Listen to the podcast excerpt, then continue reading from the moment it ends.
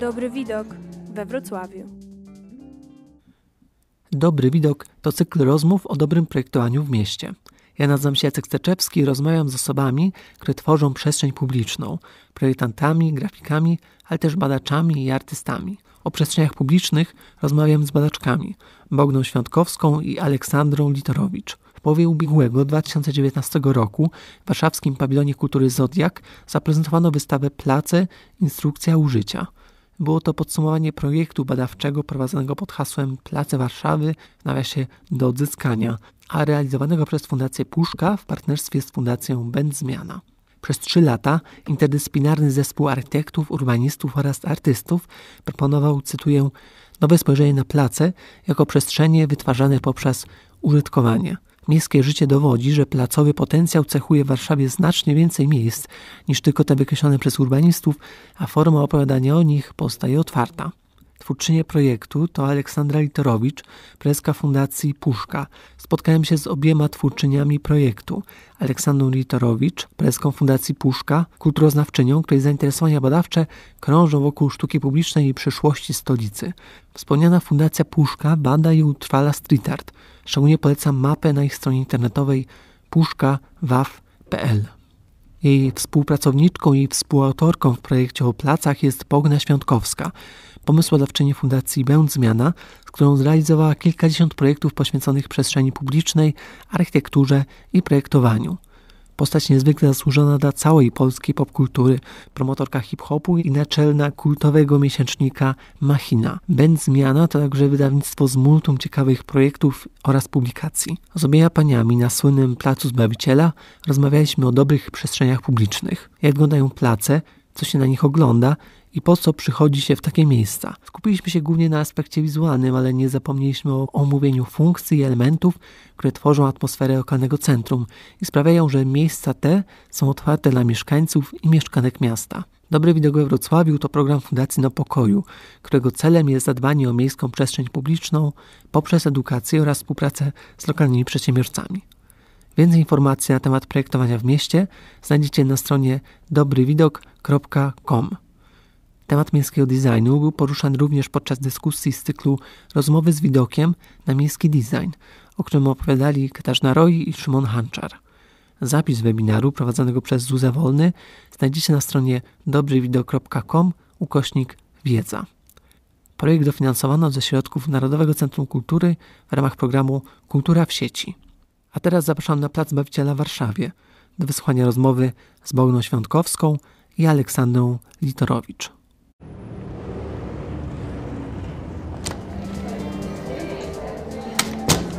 Dobry widok we Wrocławiu. Bogna Świątkowska, Fundacja Będ Zmiana.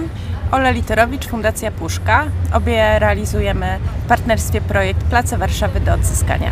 Siedzimy teraz na placu, na Placu Zbawiciela i to jest wywiad e, taki dźwiękowy, więc proszę najpierw może o co tutaj widzimy, może byście mogły opisać, bo nie będzie tego widać, ale to oczywiście będzie słychać te wszystkie dźwięki miasta, ale co po prostu tutaj jest na tym placu, jakbyście mogły opisać, co się tutaj dzieje, co widać. No chyba przede wszystkim widzimy taki prawdziwy miejski plac i to także wyszło w badaniach, które realizowa realizowaliśmy w zespole m, mm, przez te trzy lata trwania naszego projektu. Właśnie Plac Bawiciela był opisywany jako idealny plac, ponieważ widać jego pierzeje, jest w takiej skali całkiem bliskiej człowiekowi, jest niewielki, widać co dzieje się po drugiej stronie i tak naprawdę mamy tutaj gro funkcji. Możemy po prostu siedzieć i obserwować to, co się dzieje przed naszymi oczami. A teraz znajdujemy się w wyjątkowo szczególnym miejscu w tym miesiącu ponieważ jeszcze przez miesiąc na Placu Zbawiciela dzięki inicjatywie Miasto jest nasze. Miasto zorganizowało tutaj strefę poszerzenia przestrzeni na stoliki kawiarniane kosztem jednego z pasów e, ruchu. No i to oczywiście też prowadzi do bardzo wielu refleksji, także związanych z tym, co rekomendujemy. A co rekomendujecie? Co sprawia, że plac jest fajny, dobry, użyteczny? Nasze badanie placów zaczęło się od bardzo prostej konstatacji. Mianowicie place nie bardzo służą ludziom, służą ruchowi kołowemu, bardzo są przyjazne wobec transportu, wobec samochodów, e, wobec różnych takich funkcji związanych z mobilnością, natomiast e, nie są zbyt przyjazne wobec e, mieszkańców. Łatwo jest zaobserwować, zwracając uwagę na to, jak wygląda nawierzchnia placu. Czy znajduje się na nim zieleń? Czy są miejsca, gdzie można przysiąść? Czy są takie miejsca, w których e, jesteśmy zaproszeni do tego, żeby wypocząć, usiąść na chwilę, być może przy filiżance jakiegoś napoju, po to, żeby się po prostu sobie nawzajem poprzyglądać. Place w miastach odgrywają niezwykle istotną rolę, mianowicie one mają funkcję miastotwórczą, nie tylko komunikacyjną, ona jest bardzo ważna, ale przede wszystkim miastotwórczą. I teraz, jeżeli nie dodamy do tych węzłów komunikacyjnych. Słyszymy tramwaje, słyszymy samochody w tle, które tutaj krążą po, po placu Zbawiciela, ale jeżeli do tej funkcji komunikacyjnej nie dodamy tej bardzo ważnej roli, jaką plac ma, na której przychodzimy po to, żeby popatrzeć na siebie, ludzie w mieście przyglądają się innym ludziom w mieście. Wydawałoby się, że najbardziej banalna rzecz na świecie. A to jest coś, co tworzy klej między nami co sprawia, że wiemy, jakim jesteśmy miastem, jakie mamy wartości, o co nam chodzi. I tutaj w przypadku akurat Placu Zbawiciela jest to jeden z najsłynniejszych także placów w całej Polsce, głównie z tego powodu, że był przestrzenią, w której odbywała się ogromna, no trzeba powiedzieć to, batalia o to, co może być widoczne w polskiej przestrzeni publicznej, czegoś skutki odczuwamy do dzisiaj. Tutaj właśnie na, przed nami stała instalacja Julity Wójcik. Przepiękna tęcza zrobiona z kwiatów, która wielokrotnie płonęła, której odmawiano racji bytu, która została symbolem tak naprawdę tego wszystkiego, co jest nieakceptowane w Polsce klaustrofobicznej, w Polsce homofobicznej, w Polsce, która nie akceptuje niczego, co wychodzi poza ramy bardzo sztywno i ciasno określonych ram jakiejś normy, normy, która jest y, dusząca, która jest szkodliwa dla wszelkich innowacji i kultury. To patrzenie się na ludzi mi się kojarzy z jakimiś mniejszymi miejscowościami, jakimiś e, wioskami, gdzie się patrzy, ale to wtedy jest już element taki może kontroli społecznej, a tutaj właśnie wolność i ciekawość odmienności a też można powiedzieć, że plac Bawiciela ma swoją jakąś... Ludzie, którzy tutaj są, jakoś w określony sposób wyglądają, bo jeśli patrzymy się na ludzi, którzy są w tym konkretnym miejscu, czy, oni, czy inne plac na przykład mają innych ludzi, którzy inaczej wyglądają. Znaczy, Plac Zbawiciela rzeczywiście jest e, też w całej Polsce z tego, że kiedy kuło się coraz głośniej pojęcie hipstera polskiego, jeszcze wiele lat temu, to Plac Bawiciela był przywoływany przez badaczy społecznych, badaczy kontrkultur, jako to miejsce, tak, które jest taką kanwą tego, tej postsubkultury, czyli tutaj defilują sobie hipsterzy, piją kawę w kawiarniach, i to jest takie miejsce bardzo młodzieżowe, bardzo trendseterskie. Na Placu Zbawiciela naprawdę dzisiaj można zobaczyć bardzo różnych ludzi, bardzo różnych grup wiekowych i mm, też e, widać to także po flagach, które są wywieszone dookoła. Są tęczowe, są biało-czerwone, są ludzie starsi, jest bardzo dużo oczywiście młodzieży, ale też e, tutaj jest bardzo wielu turystów. To miasto, w sensie Warszawa, ma takich kilka punktów, które są emblematyczne czy symboliczne ze względu na te przemiany, które w ostatnich dwóch dekadach miasto zaliczyło. I mm, Plac Zbawiciela jest jednym z nich, pomimo że jest tutaj przepiękna e, zabudowa historyczna dookoła. Jest kościół Zbawiciela, który jest tutaj taką dominantą i naprawdę e, jest to wspaniały architektoniczny obiekt otoczony przez budynki e, zbudowane tutaj w, w, latach powojennych. To jest cały czas taki, takie miejsce, do którego też ściągają turyści nie po to, żeby doświadczyć tej materialności, ale właśnie, żeby poczuć to coś nieuchwytnego. Charakter miasta tę emocję, która y, targa mieszkańcami. Przychodzą tu do tych tutejszych barów i kawiarni, przecież nie po to, żeby się napić kawy takiej samej jak ta, którą mogą dostać u siebie w miastach. Oni przychodzą tutaj po to, żeby poczuć tę wspólną energię z mieszkańcami Warszawy i może ich na co dzień nie zauważamy, ale tutaj swoje ścieżki mają wydeptane starsze panie, które karmią gołębie, panowie, którzy mają swoje ulubione ławki i tak naprawdę oni tu są. To nie jest tylko i wyłącznie młodzieżowe miejsce, ale z drugiej strony, tak jak Bogna mówi, no przyciąga nas ten duch tutaj, tej też miejskości bardzo ciekawej, różnorodnej, fajnie rozumianej. Też tu celebryci przecież przychodzą do knajp, tak? Możemy po prostu się popatrzeć na ludzi, zobaczyć jak spędzają czas, albo po prostu udać się z tego miejsca jeszcze w kolejne inne miejsce, na inny plac, czy do instytucji kultury, które, które są tutaj obok. Mm, jesteśmy w samym centrum i to też jest ważne, że ten plac jednocześnie jest takim fajnym zwodnikiem, który nas tu może przez chwilę przytrzymać, ale z drugiej strony rozprowadzić do miasta, do dalszego, do dalszej eksploracji, do dalszego flanerowania. I ta sieciowość też, szczególnie tutaj widać to śródmiejsko bardzo ładnie, także jest czymś, co rzeczywiście przydaje jeszcze fajnej wartości e, miejscu, więc tu już też urbanistyka, ten aspekt urbanistyczny także jest wart zauważenia w tym, jak dobrze miejsce funkcjonuje. Bardzo fajny podoba mi się ten aspekt, że ludzie są nośnikami informacji wizualnej i sami tworzą ten koloryt powiedzmy miejski. A co jeszcze tworzy place? Jakie elementy, które można zauważyć, czy które się pojawiają?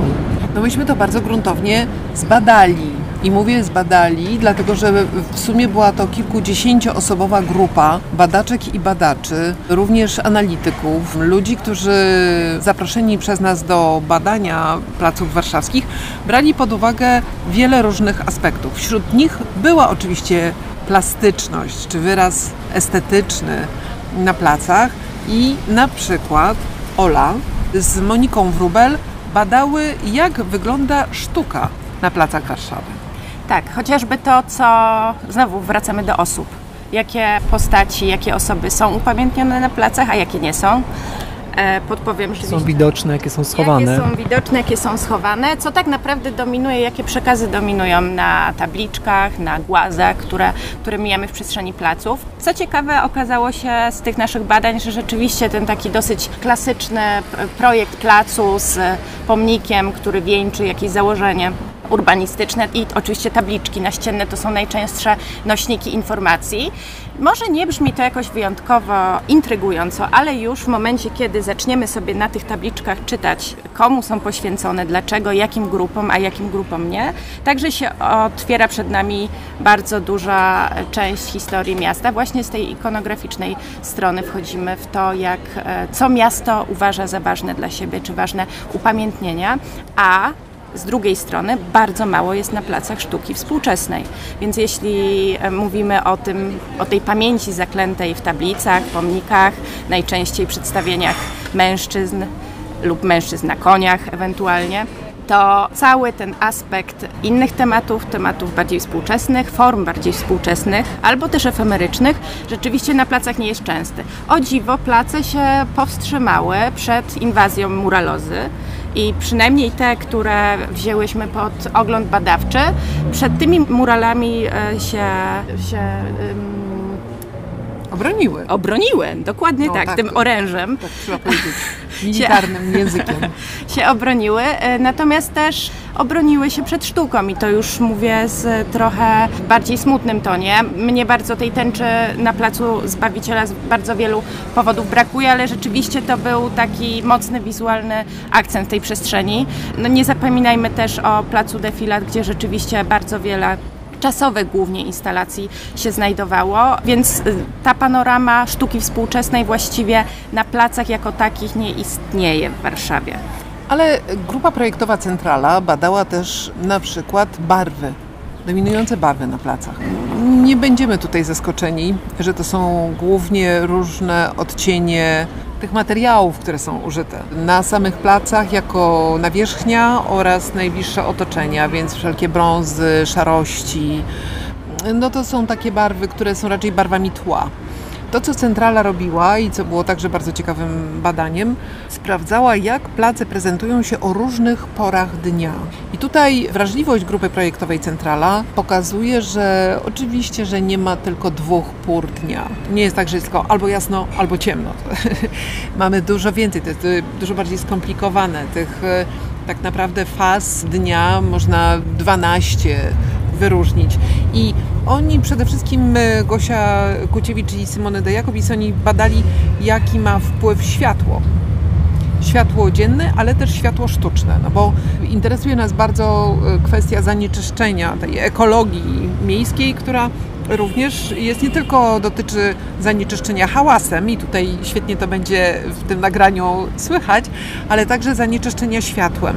I to zanieczyszczenie światłem w nocy okazało się w ich badaniu, to bardzo dobrze wygląda, w sensie dobrze, bo wyraźnie, a nie dobrze, dlatego że widać jak sztuczne światło y, używane w latarniach deformuje tak naprawdę tę architekturę, która zaplanowana jest do zupełnie innego oglądania, w innych warunkach. I te podświetlone budynki historyczne są karykaturą tak e, często samych siebie, właśnie z tego powodu, że to sztuczne światło, nieumiejętnie stosowane, wykrzywia w ogóle naszą, nie tylko naszą percepcję, ale także powoduje, że ta przestrzeń, w której przebywamy, jest zdeformowana.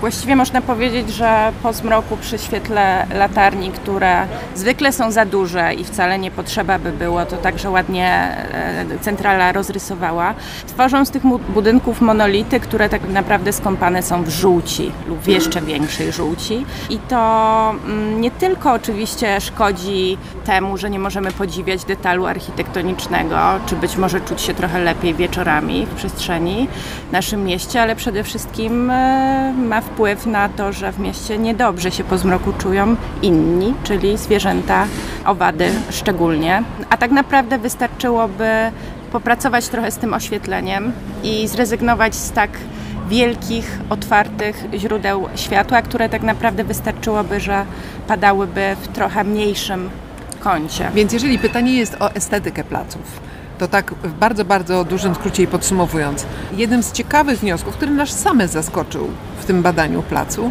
jest to, że naszym celem powinno być takie jego kształtowanie i takie zaplanowanie, aby oczywiście, że tworzył on harmonijną, piękną przestrzeń, ale także przestrzeń, w której swoje miejsce będą mieli nieludzcy użytkownicy przestrzeni miejskiej, bo Oczywiście, że wielką przyjemność sprawia nam przyglądanie się dobrze zaprojektowanej przestrzeni, pięknie zakomponowanej, dobrze wykonanym e, detalom, ale nic tak naprawdę nie jest w stanie równać się z głosem słowika w czerwcowy wieczór, który potrzebuje, który potrzebuje krzaków. Potrzebuje krzaków, które nie są przycinane, potrzebuje krzaków, w których ten słowik może zamieszkać, a więc po to, żeby mieć dobrą, ciekawą, e, przyjazną, ekologiczną przestrzeń, potrzebne jest po prostu zdjęcie tych klapek z oczu i zaprzestanie koncentrowania się wyłącznie na projektowaniu tego, co jest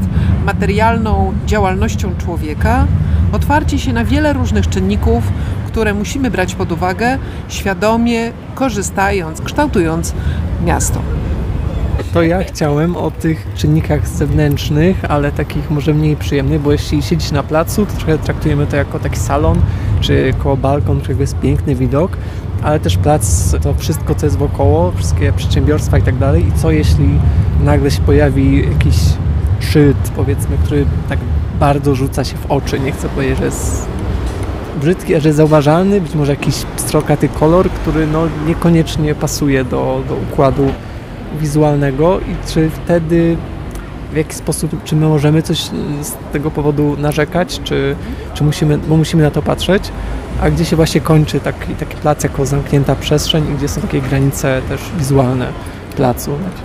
To pytanie jest bardzo fajne, chociaż myślałam, że do czegoś innego e, będzie dążyło.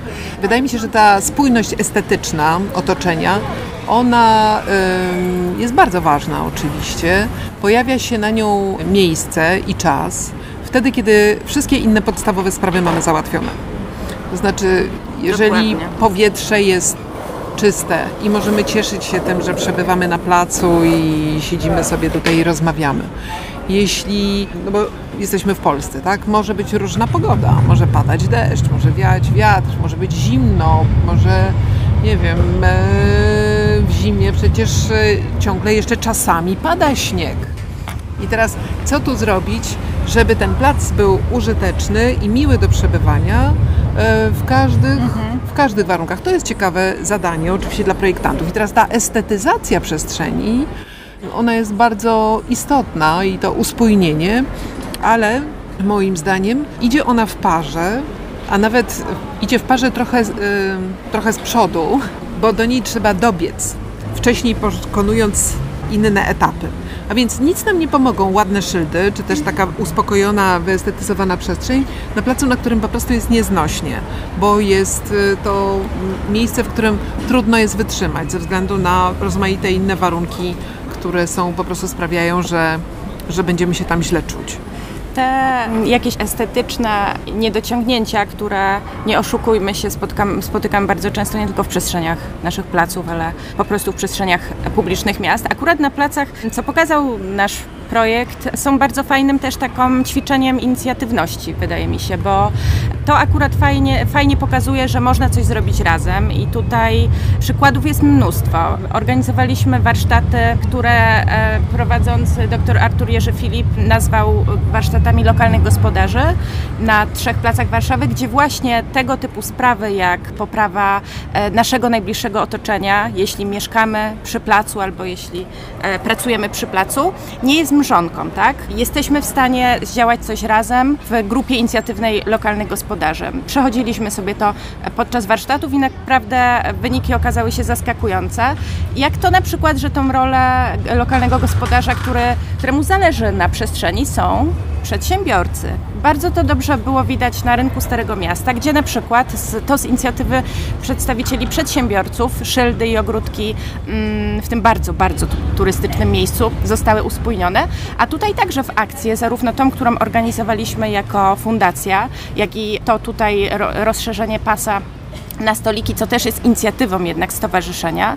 Także są włączeni przedsiębiorcy w obu tych, w obu tych kwestiach, więc wydaje mi się, że ta taka przestrzeń na wyciągnięcie ręki, e, przestrzeń przydomowa czy przestrzeń naszej pracy i to, że właściwie każdy z nas ma swój plac, bo nawet jeśli przy nim nie mieszka, to ma swój ulubiony albo zawsze przez plac przychodzi, może być takim fajnym poligonem do, do ćwiczenia tego, żeby jakąś kawałek przestrzeni wziąć w swoje ręce, co też pokazuje to, kiedy zbadaliśmy budżety partycypacyjne i okazało się, że także place to jest jednak taki magnes na inicjatywy, szczególnie te bardziej zielone place związane na przykład z pszczołami w mieście i też fajnie swoje pole znalazła. No bo jesteśmy w Warszawie, mieście, które znane z tego, że nie ma centrum. Czy place w mieście mogą pełnić funkcję takiego centrum dla mniejszych jednostek, dla może dla osiedla, dla okolicy i w jaki sposób mogłyby być takim lokalnym centrum? Place wcale nie muszą e, znajdować się w reprezentacyjnych miejscach miasta. E, wręcz przeciwnie. Place znakomicie sprawdzają się jako e, takie punkty, które rozprowadzają, dystrybuują tę ważność ruchu także w dzielnicach, w miejscach, które są gdzieś takie no jednak gęsto zaludnione, są użytkowane przez mieszkańców, ale wcale nie muszą się znajdować w, w centrum. Zresztą mm, tutaj warto powiedzieć o e, placach w małych miejscowościach, w niedużych miejscowościach, w których e, te przestrzenie placowe, one są, tutaj muszę użyć e, słowa cudzysłów, w cudzysłowiu rewitalizowane. Znaczy robi im się wielką krzywdę, a właściwie nie placom, tylko mieszkańcom. Przekształcając placyki jakieś takie wybetonowane, wyłożone kostką bauma albo i nie bauma, przykre dla oczu, przykre dla do przebywania przestrzenie, które odpychają wręcz, a nie zapraszają do użytkowania. Więc coś, co jest położone w niewielkiej miejscowości, co ma te wszystkie potencjały w sobie, nagle jest zepsute decyzją projektową, decyzją tak naprawdę, nie wiem, budowlaną. Co jest najsmutniejsze, to to, że autorzy tych przekształceń i autorki nie mają takiego poczucia obciachu, że właśnie zrobili ludziom krzywdę że zrobili miejscu krzywdę, że zrobili ludziom krzywdę, że zepsuli za ciężkie pieniądze. Y, zabrali to, co najlepsze. Zabrali to, co najlepsze i zabrali możliwość, zabrali możliwość użytkowania tego w zgodzie na przykład z klimatem.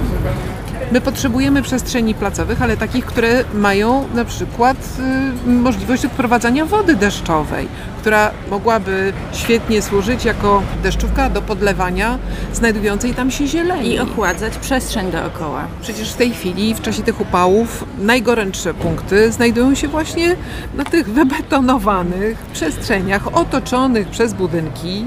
To są wyspy ciepła, które nie dają komfortu, zwłaszcza osobom starszym, zwłaszcza tym, które mają jakieś kłopoty oddechowe, które mają kłopoty, nie wiem, z krążeniem. A więc jeżeli wyobrażamy sobie, że zrewitalizowana przestrzeń placu, która właśnie tak uładziła tę przestrzeń, tak ją uporządkowała, to jednocześnie jest, są to wszystko decyzje, które odbierają ludziom możliwość regenerowania się w tych przestrzeniach, a place no, jako jedną z funkcji mają właśnie tę, żeby nas wyposażać w większą energię. Dlatego właśnie w Rotterdamie zrywa się, mi- miasto zachęca mieszkańców do zrywania kratek, betonowych płytek z chodników i robienia tam mini ogrodów. Każdy skrawek zieleni jest na wagę złota i mm, to, co Bogna powiedziała o tych placach, które już w sobie mają bardzo wiele i często są po prostu betonowane, ewentualnie stawiana jest tam fontanna. Świetnym odwróceniem tego jest e, bardzo fajny plac warszawski na Pradze, Halera, gdzie tak naprawdę widać, że ogromny plac, bo też o to pytałeś, czy te place mogą służyć bardzo lokalnie. Mimo, że jest to ogromny plac, którego od drugiego końca prawie że nie widać, jeszcze przecięty przez e, pętlę e, autobusową, tam się stworzył w placu plac. W placu stworzył się placek sąsiedzki, dookoła oczywiście solanki. tężni, takiej Tężni. malutkiej tężni. No i to okazało się być naprawdę wspaniałym zaproszeniem dla mieszkańców okolicznych e, domów do tego, żeby potraktowali tę przestrzeń jako miejsce regeneracji, jako miejsce, do którego przychodzimy naładować nasze akumulatory miejskie. No i to jest ważne. Rewitalizacja to wielka sztuka i tak przechodząc do praktyki na placu, który został zrewitalizowany na Pradze i niby wszystko się tam zgadzało, ta zieleń była za jakimiś drobnymi barierkami, były jakieś chodniczki, ale tak naprawdę mieszkańcy tego placu praskiego nie używali, on był po prostu odnowiony. I my na tym placu urządziliśmy z artystami po prostu kolację, którą zrobiliśmy wspólnie z mieszkańcami, więc to jest takie praktyczna odpowiedź na pytanie, że oczywiście da się, e, tylko potrzeba chęci i inicjatywy. Wyobraźni. No i dobrej woli oczywiście władz miasta. I dobrego jedzenia.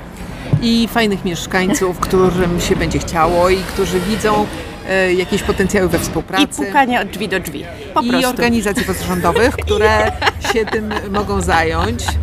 I e, fajnego zarządu dróg miejskich oraz zarządu terenów publicznych oraz zarządu zieleni. Także. I, I, e, fajnej parafii, która pożycza stoły. Dokładnie. I e, jakiejś takiej sprzyjającej atmosfery, która się tworzy wtedy, kiedy mamy do siebie zaufanie. Tym zgodziłyśmy się. Dzięki bardzo. Bardzo dziękujemy, Dziękujemy i bardzo.